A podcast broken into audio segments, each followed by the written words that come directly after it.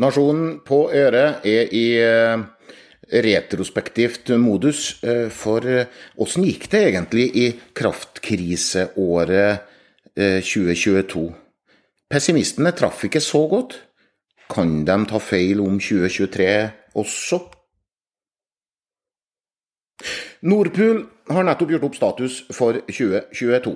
Strømprisen i Sørvest-Norge, altså det dyreste strømområdet, ble i snitt på 211 euro per megawattime. Det er rundt regna 211 øre per kilowattime, det. Og det er altså opp ifra 75,10 euro i 2021. Men Sør-Norge fikk ikke tyske strømpriser slik pessimistene spådde. Prisen på tysk strøm steg nemlig enda mer, fra 97 til 235 euro. Prisforholdet mellom norsk og tysk kraft har vært påfallende stabilt siden det rasbillige året 2020. Da var differansen mellom norsk og tysk pris 20 euro. I 2021 økte forskjellen til 22 euro, og så i fjor 24 euro. Det er før strømstøtten trekkes fra. Da framstår prisveksten i Norge som minimal sammenlignet med hva folk på kontinentet opplever. Hva med magasinene? I februar i fjor var vannmagasinfyllinga nær historisk minimum. Pessimismen blomstra. Stortingsrepresentant Marius Arion Nilsen fra Frp frykta at europeisk kraftbehov ville tappe norske magasin. I dag er magasinfyllinga nær normal. Vi har åtte 8 TWh mer vannkraft på lager enn på samme tid i fjor. Hva med industrien? I mai i fjor advarte de facto mot industridød. Sitat 400 000 jobber kan ryke, det haster veldig, advarte de facto i en rapport bestilt av bl.a. Industriaksjonen og Nei til EU. mm, det hasta ikke så veldig. Industriomsetninga i Norge økte med 2,3% i perioden september-november 2022, målt mot samme periode i 2021, viser ferske tall fra Statistisk sentralbyrå. Også produksjonen vokste i industrien. Arbeidsledigheten lå stabil mellom 3,1 og 3,4% i fjor. Det nivået har ikke vært lavere siden 2008. Det er riktig at strømprisen har kraft til å flytte industri. Gruvegiganten LKAB legger f.eks. For foredlingsanlegget for sjeldne jordartsmetaller til Norge. Råvarene skal fraktes fra svenske Kiruna til norske Herøya. Det er ikke fordi LKAB tror at Norge skal få såkalt tyske priser. Statsminister Jonas Gahr Støre får kjeft dere som. Støre sier sjøl til TV 2 at strømprisene nok er en forklaring på nedgangen til Arbeiderpartiet. Men det er et problem med den forklaringa her. Alle de velgerne som forlater regjeringa øh, og vil ha priskutt og ikke utredninger, de har parti å stemme på. Både Rødt, Frp og KrF lover å vedta strømprisen ned. I september i fjor hadde disse tre partiene 25 samla oppslutning.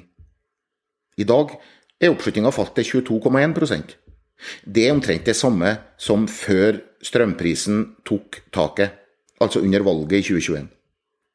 Nei, regjeringas valgere har gått til Høyre, som er tilhenger av internasjonal krafthandel og ønsker å bygge flere kabler til Europa.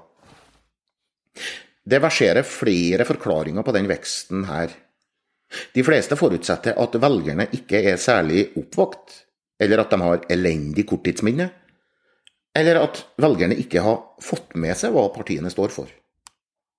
En helt annen mulighet er at velgerne vet godt at Bjørnar Moxnes og Sylvi Listhaug og Kjell Ingolf Ropstad lover dem kjappe priskutt, men at velgerne ikke tror det er smart eller mulig å vedta at en knapp vare som kraft skal være billig. Høyre lover å la strømmarkedet i fred, og partiet er landets desidert største. I dette lendet må Jonas Gahr Støre spørre seg er det mange velgere å hente tilbake på å gripe inn i kraftmarkedet nå? Spørsmålet har to svar. Ja, før kommune- og fylkestings før kommune- og fylkestingsvalget om åtte måneder kan det ha noe for seg. EU har gasslagre så det holder til sommer, så lenger enn det. Eh, og EU er dessuten ramma av heteslag for tida. Det kan bli overskudd av vindkraft i Europa fram mot sommeren. Det vil knapt bli noe behov for kraft fra Norge de nærmeste månedene, samme hvor mye Støre måtte finne på å isolere Kraft-Norge for å tvinge ned hjemlig kraftpris til glede for nye velgere. Men hva kan skje før neste stortingsvalg, om to år og åtte måneder? Da kan EU ha rukket å reagere hvis Norge trekker seg delvis ut av det markedet som EU lærte nettopp av Norge. Og det kan gå ut over muligheten til kraftimport fra utlandet når vi trenger det som mest. Og det kan vi meget vel. Kraftmangelen i et normalår er bare tre år unna. Kraftmangelen i et tørrår kan komme neste vinter, eller vinteren etter der. Og først etter der igjen er det at Støre skal spørre velgerne om gjenvalg. Det er ikke gøy å lede landet i en strømpriskrise.